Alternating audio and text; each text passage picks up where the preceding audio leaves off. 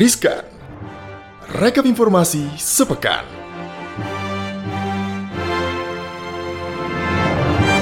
Halo Sobat Cuan Halo Sobat Cuan. Aduh suaranya lagi enak tiba-tiba nih Kenapa ya tenggorokan gue ya Sobat Cuan Selamat datang di Riskan Direkap informasi sepekan. Yeay Hari ini Maria dan juga Gali, Gali. San ya Dan untuk eh, teman kita yang lagi menunggu gelombang cinta Gelombang cinta. Angel Valentina di rumah Mudah-mudahan selalu eh, sehat ya sampai persalinan Amin, Jadi amin, amin. Angel nih bakalan balik lagi tahun depan 2023 ya. So hari ini diri sekarang ada deretan informasi yang bisa kita bagikan untuk Sobat Cuan melengkapi weekendnya Sobat Cuan ya menjelang weekend. Nah sebelum kita ke berita-berita yang pertama nih Gal, Apa nih eh, Kak? kita tuh pengen banget eh, bikin apa ya ngasih ngasih gambaran yang lebih positif lagi untuk Sobat Cuan tentang banyak banget berita-berita seputar resesi ya. Yap. Kan banyak yang ngomong resesi 2023 nanti gelap, ini itu dan lain-lain. Tolong eh, disortir berita-berita yang masuk nih ke Iya, Sobat Cuan dan betul, mungkin betul, lebih Kak. banyak ngobrol kali ya sama orang-orang terdekat supaya jangan kemudian panik dan ngambil keputusan yang serba emosi ya. Ya, Hal itu betul. juga disampaikan sama eh, JK nih ke Bu Sri Mulyani Kenapa? Gal. Dibilang apa tuh Kak? Pak JK Karena kata Pak JK bilang nih ya mantan Presiden Yusuf Kala bilang eh, mengutarakan kekesalannya eh, perihal omongan Menteri Keuangan soal ekonomi dunia yang kerap kali menakut-nakuti masyarakat. Waduh. Akhirnya Pak JK tegor Bu Sri Mulyani dia bilang katanya eh, tolong tentang kondisi perekonomian saat ini dalam percakapan tersebut dia menekankan lebih memberikan peringatan tolong dong jangan menakut-nakuti publik. Ya, Sebenarnya betul, dari betul. sisi site-nya Bu Sri Mulyani dia hanya membacakan fakta dan data dari hasil riset-riset kan Ya, dan betul, juga betul, hasil dari apa yang dipantau oleh Bu Sri Mulyani. Bener Ya, nggak sih bener, Gal? Kak. Tapi sebenarnya kondisinya kayak gimana sih Kak? Ini Kak? Kalau lu ngeri nggak kalau baca-baca berita gitu? Ya kalau terlalu banyak baca-baca berita yang cuman istilahnya cuman satu sisi aja ya, yang Hmm. emang cuma soal resesi, ya pasti gua akan lama-lama gue juga takut juga kan. Temen lo, temen gitu. lo ada yang takut juga katanya Iya, sampai temen parah banget sampai ya. ada yang parno gitu begitu dengar kata resesi gitu kan. Mhm. Karena mungkin ya, masih banyak kebutuhan juga, takut di PHK segala macam gitu Nah, kan. Sebenarnya ketakutan terbesar masyarakat Indonesia itu adalah takut nggak bisa dapat pekerjaan atau nggak punya pekerjaan. Oh, Karena kan layoff besar-besaran yang terjadi ketika masa pandemi pada saat itu ketika sektor bisnis stop kan akhirnya banyak yang kehilangan kerjaan kan Yap, yap, yap. Gal. Nah Benar-benar, ini yang sebenarnya ditakutin. Tapi kita harus tetap waspada sebenarnya sobat cuan. Tapi jangan langsung yang takutnya tuh nggak apa ya takutnya tuh takut banget sampai nggak mau ngapa-ngapain Ah, gitu. benar-benar Kak. Ya kalau soal saving money mah nggak usah nunggu resesi juga kan kita harus tetap saving money ya, Tuh, ya. setuju ya. Apalagi Tuh. sobat cuan yang udah sering dengerin konten-konten kita di cuap-cuap cuan. Nah, Betul, ini kita betul. kasih kabar baik deh untuk sedikit berita apa ya yang eh, nggak enak ini kita kasih nih karena apa? Karena eh, untuk menjaga kestabilan nilai tukar rupiah nih ada duit maut antara Sri Mulyani dan Bos BI yang tambah dolar di Indonesia. Gimana nih Gal? Oke, nah jadi informasi ini Kak, yang pertama masih terkait sama Ibu Menkyu nih Kak. Mm-mm. Nah, jadi Menteri Keuangan Sri Mulyani dan Gubernur Bank BI Peri Warjio memastikan akan berupaya maksimal untuk menambah pundi-pundi valuta asing atau dolar AS di dalam negeri. Yes. Nah, Gubernur Peri Warjio menjelaskan sesuai dengan aturan yang ada di dalam peraturan pemerintah nomor 1 tahun 2019 Mhm. bahwa devisa hasil ekspor sumber daya alam atau DHESDA wajib direpatriasi di dalam negeri dan Hmm. sebagian besar sudah masuk ke rekening khusus. Nah, masalahnya nih kalau kata Peri Warjio, Mhm. saat ini para pemegang DHESDA tersebut belum bisa menahan dolar AS agar betah diperbankan di Indonesia. Gitu. Gitu, Makanya Kak. ya BI bersama otoritas terkait yang tergabung dalam Komite Stabilitas Sistem Keuangan atau KSSK akan terus nih mencari formula untuk bisa membuat para eksportir dan importir yang pegang DHE bisa lebih lama memarkirkan dolarnya dalam negeri. Cara yang akan ditempuh BI ini atau Kementerian Keuangan, Otoritas Jasa Keuangan atau OJK dan Lembaga Penjamin Simpanan atau LPS melalui pemberian insentif. Dalam kesempatan yang sama juga akhirnya Bu Sri Mul menjelaskan karena melalui Direktorat Jenderal Bea Cukai pihaknya akan memonitor ekspor dari berbagai jenis barang hasil sumber daya alam seperti yang tertuang di dalam peraturan pemerintah itu. Waduh. Lu kebaca gak sih caranya mindsetnya sebenarnya ini, ini sih sebagai, sebagai salah satu cara ekonom juga bilang sih. Ah, ah, tuh, Caranya adalah untuk bisa eh, menahan dolar lebih lama. Kan kalau misalnya dolar tuh makin tinggi, Ya. karena permintaannya makin banyak, Ah. tapi suplainya kan dikit. Yap, Jadi yap. mau nggak mau harganya uh, nilai tukarnya jadi makin naik. Hmm. Caranya adalah supaya tidak makin tinggi nilai tukarnya dia banjirin dolar nih. Dolarnya. Jadi suplainya banyak, jadi demand yang dibutuhkan uh, tercukupi, tercukupi, gitu. ya, jadi ya, nilai ya. tukar rupiah kita bisa agak sedikit menguat. Nah, dengan cara menahan devisa hasil ekspor ada di Indonesia untuk bisa ditransaksikan terlebih dahulu agak Ya. lama gitu, nggak cuman in out doang, tapi parkir kayak beberapa hari ini bisa mampu untuk bisa uh, apa ya menstabilkan lah nilai tukar rupiah Oke, kita. Jadi ini dijadiin salah satu strategi juga ya kayak. Benar, salah satu strategis. Good sih, mudah-mudahan berhasil ya. Setidaknya jangan langsung melambung ke apa 17.000 ribu kan karena orang pada takut nih 16.000 ribu 17.000 ribu Waduh. gitu ya kan Bener-bener kak. oke next gal Next kak, eh, ada yang lagi tertekan kak. apa perasaan Tekanan, tertekan tekanan harga batu bara. Mhm. Oke, melandainya harga batu bara tidak bisa dilepaskan dari sejumlah sentimen negatif. yes Mulai dari lockdown Cina, proyeksi menurunnya impor batu bara dari India, hingga melemahnya harga gas. gitu. Nah, seperti kita ketahui nih Sobat Cuan ya, eh, Cina memperlakukan lockdown ataupun pengetatan mobilitas di sekitar 200 kawasan pemukiman yang tersebar di sejumlah kota Mhm. seperti Wuhan hingga kota Zhengzhou yang merupakan sentra produksi iPhone terbesar di dunia. Nah, Cina juga sudah menutup wahana hiburan Shanghai Disney Resort sebagai upaya pengendalian virus. Mhm. Nah, lockdown ini Kak dikhawatirkan nantinya akan kembali menurunkan aktivitas ekonomi hingga permintaan konsumsi masyarakat. yes gitu, nah karena- pertumbuhan ekonomi China sendiri kan emang sekarang jauh di atas ekspektasi ya, yakni 3,9% year on year di kuartal 3 2022 dan permintaan batubara di kuartal 4 pun juga semula diperkirakan akan meningkat sejalan dengan naiknya penggunaan listrik dan aktivitas ekonomi juga naik. Namun lockdown bisa membalikkan proyeksi tersebut. Ini terjadi di China ya. Iya, Di atas ekspektasi padahal ada penerapan zero covid. Wah, Ya. keren juga. Nah, kalau kita lihat di negara tetangga kita lain nih kayak India nih juga meningkatkan produksi guna menghindari krisis energi di April sampai Mei 2023 tuh sih. Dia udah lihat nih April sampai Mei itu eh, stoknya berapa, dia Ya. udah tahu Betul, gitu betul. kan. Di mana negara Bollywood ini diterpa krisis energi di April hingga Mei 2022 karena kurangnya produksi serta tingginya permintaan sehingga mereka akhirnya melakukan impor besar-besaran. Nah, India sendiri ini kan menargetkan pasokan batu bara mereka bisa di angka 40 juta ton pada akhir Maret 2023. Yes. Nah, pada awal Oktober tahun ini pasokan baru mencapai 26 juta ton, sementara pada awal November sekitar 30 juta ton. Mhm. Nah, untuk meningkatkan produksi, India baru aja membuka lelang pembukaan 141 tambang batu bara di 11 wilayah. Uh, Nah, oke. totalnya akan ada 133 tambang batu bara yang diharapkan bisa dilelang. Wow, India memproduksi batu bara kan banyaknya 380 juta ton ya di semester 1 2022-2023. Melonjaknya dibandingkan periode yang sama tahun lalu dengan produksi yang meningkat tajam, impor ini diperkirakan akan menurun drastis sehingga mengurangi permintaan global.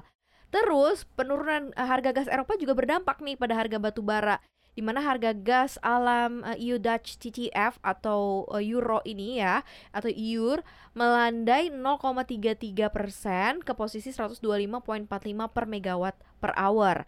Nah ini terjadi di kemarin nih ya di hari eh, Kamis ya Gal ya. Ya, Nah pelemahan harga ini disebabkan oleh semakin tingginya kapasitas gas di negara-negara Eropa. Jerman bahkan sudah mengisi pasokan gas hingga 96% dari kapasitas di 16 Oktober. Artinya ya target pengisian gas lebih cepat deh dari rencana awal di 1 November. Tuh, nah dengan pasokan gas yang melimpah, maka permintaan batu bara di kawasan Eropa selama musim dingin kemungkinan tidak sebesar proyeksi awalnya nih, Kak. Oh, ngono Gitu, tuh.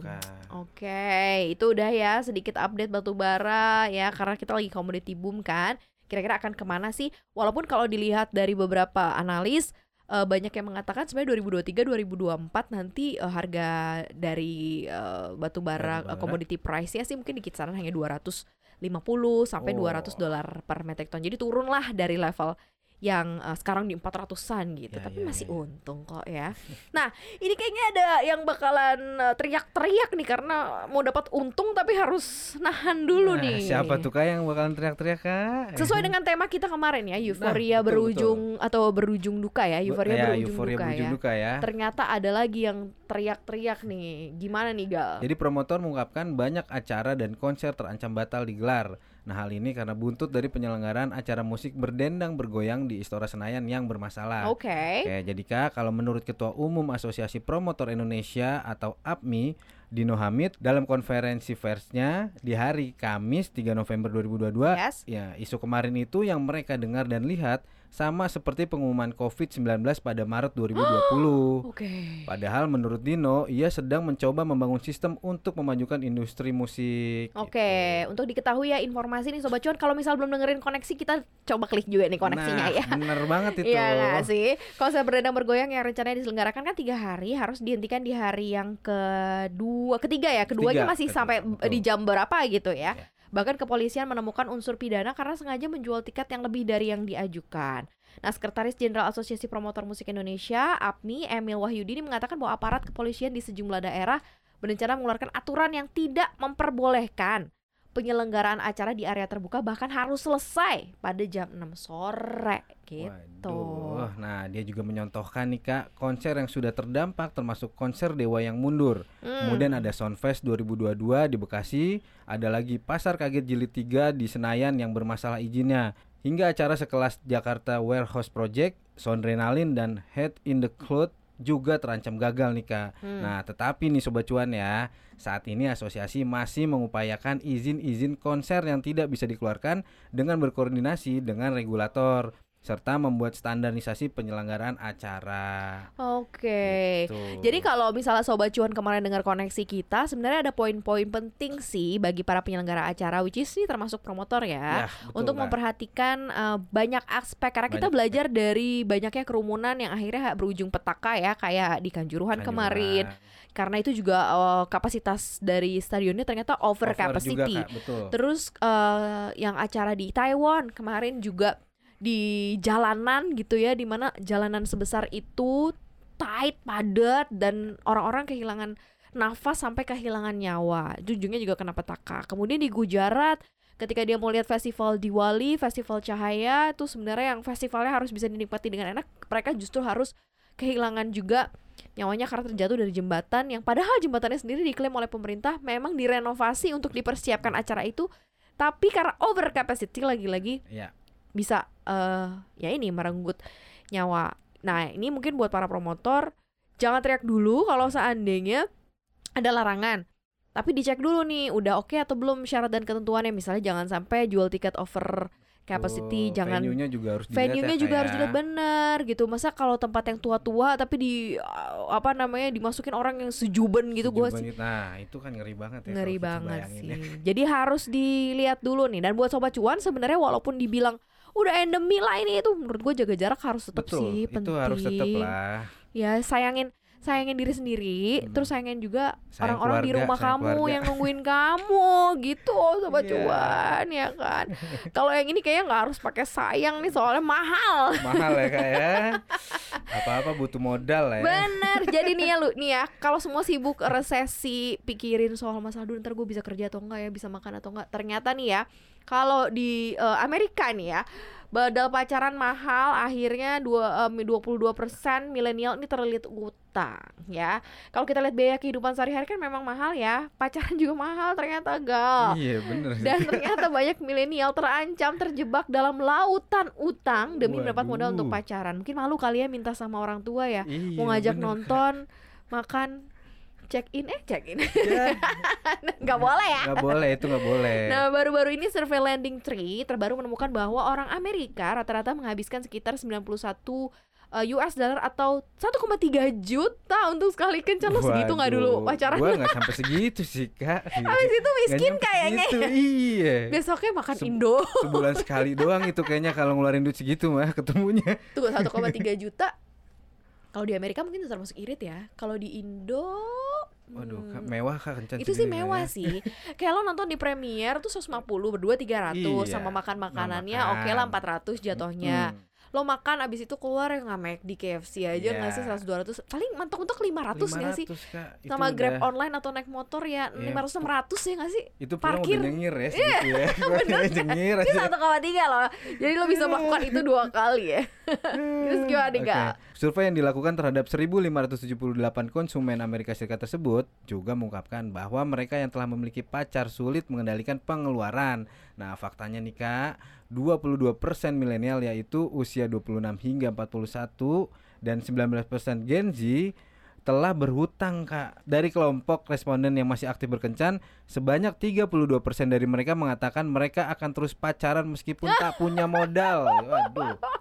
Dan menurut analis kredit lending tree, Mas Schultz ini udah dari dulu katanya. Kalau kencan tuh ya butuh modal mahal. bener bener Gak cuma sekarang bener sih. Apalagi tekanan inflasi yang merajalela ya Bisa lebih eh, membuat situasi sulit dan eh, menantang gitu.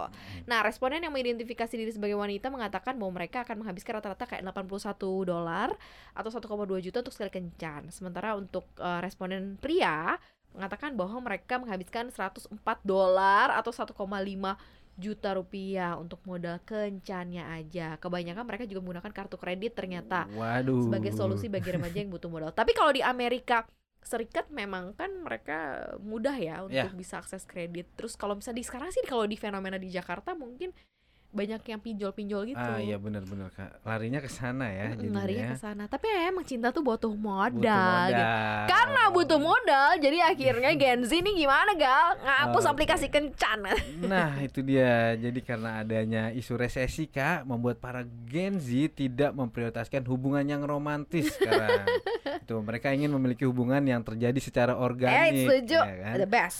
Nah menurut survei Goldman Sachs Mayoritas atau sekitar 52% berharap untuk bertemu pasangan mereka secara langsung Mm-mm. Sedangkan yang memilih Setuju, melalui setuju. kenalan sebanyak 30% Dan dari aplikasi hanya 6% Yes, gitu. perlu diketahui sobat cuan ya, 19% Gen Z yang usianya 18 sampai 25 per 25 tahun mengatakan bahwa mereka telah berutang demi modal kencan. Menurut survei dari Lending Tree ya. Nah, berkencan online juga dapat dianggap sebagai petualangan yang berisiko karena kan awal perkenalan Anda tidak mengetahui informasi apa pun tentang satu sama lain. Terus kalau langganan aplikasi kencan itu tiap bulan kita harus kayak bayar, Bayar gitu loh. aplikasinya ya bayar aplikasinya Benar-benar. kalau misalnya yang gratisan itu yang masuk ke Ya, aplikasi itu orang-orang entah dari mana nah kalau misalnya kita bayar eh, aplikasi itu adalah yang berbayar biasanya orang-orang yang tergabungnya biasanya proper Ah. Para apa namanya profesional pekerja kantoran yang masih bisa tertracking Iya. coba lu gratisan lu swipe gra- swipe ya bener-bener sih. Kalau gratisan tuh kadang kan ini juga nggak jelas gitu Eh, orang-orangnya kan. ini kakak-kakak mana dede-dede Nah. mana ya kan berbahaya kalau gue sih takut ketemu ini Yang jahat ya, Kak, iya ya. gue mah takut gue mah orangnya dari dulu banget gue nggak explorer nggak explore media sosial karena gue nggak nggak mudah percaya sama orang gal Iya. Jadi curhat gue Eh tapi temen gue tuh dulu sempet sampai nikah loh kak, kenalan. itu Kenalannya itu di aplikasi. gitu. tapi itu kayak satu case yang berhasil di iya, antara benar sih. ribuan case yang lain kan Iya iya temen iya. gue juga berhasil dia Ah. sampai bahkan move ke Amerika untuk nikah dan sekarang udah udah kayak it's almost hampir five years deh dia di- kayak di Oh. Amerika karena dia udah itu dia juga nekat dia Ya, ya, ketemuan ya. di uh, dating apps online Ah. gitu satunya di Indonesia satu di Amerika terus mereka menjalani dating secara virtual, Virtual gitulah ya, ketemunya terus ketemu sekali ketemu dua kali dan merit Merit langsung, dia dibawa ke Amerika Nah gitu. tapi kan jarang banget sih kak itu yang bisa ampe bener-bener ya. Bener gitu kan satu dari sekian, Sekian ribu, ribu. case yang Iya. atau sekian juta case kayak cuma satu yang berhasil kalau gue sih deh gue nggak gue gue Mendingan ketemu langsung aja ya sobat Mendingan cuan ketemu ya. aja langsung ya sobat cuan ya Gitu. dan seperti pertemuan kita walaupun secara virtual mudah-mudahan bisa lebih membuat optimis ya sobat cuan di pekan depan atau di pekan-pekan menuju akhir tahun ini ayo lebih semangat ayo lebih positif ya jangan takut akan hari esok semua harus dipersiapkan dengan baik termasuk persiapan keuangan sobat cuan Betul, gitu Sobat Cuan. Terus jangan lupa juga nih Sobat Cuan dengerin podcastnya Cuap Cuap Cuan di Yes. Spotify, Apple Podcast, Google Podcast, dan Anchor. Follow juga Instagram Cuap Cuap Cuan Mhm. di @cuap underscore cuan. Yes, gitu. jangan lupa subscribe ya tuh YouTube channel Cuap Cuap Cuan, di like, share, komen juga, share sebanyak banyaknya, dan nonton juga konten-konten kita yang tayang di CNBC Indonesia TV ya Sobat Cuan ya. Pokoknya dengerin ya Sobat Cuan sampai Yes. habis podcastnya supaya kamu dapat keseluruhan insight-nya. Nah, jangan lupa juga ya kita ada IG live setiap hari Senin eh, jam market buka jam setengah sembilan jam ya. setengah sembilan. setengah betul. sembilan. Kemudian hari Jumat jam 4 sore jam market tutup. Jadi untuk bisa kasih amunisi Sobat Cuan pastinya ya. Oke. Thank you Sobat Cuan. Thank you, thank you. Sehat-sehat Sobat terus. Cuan. Maria pamit. Gali pamit. Bye bye. Happy Bye. weekend.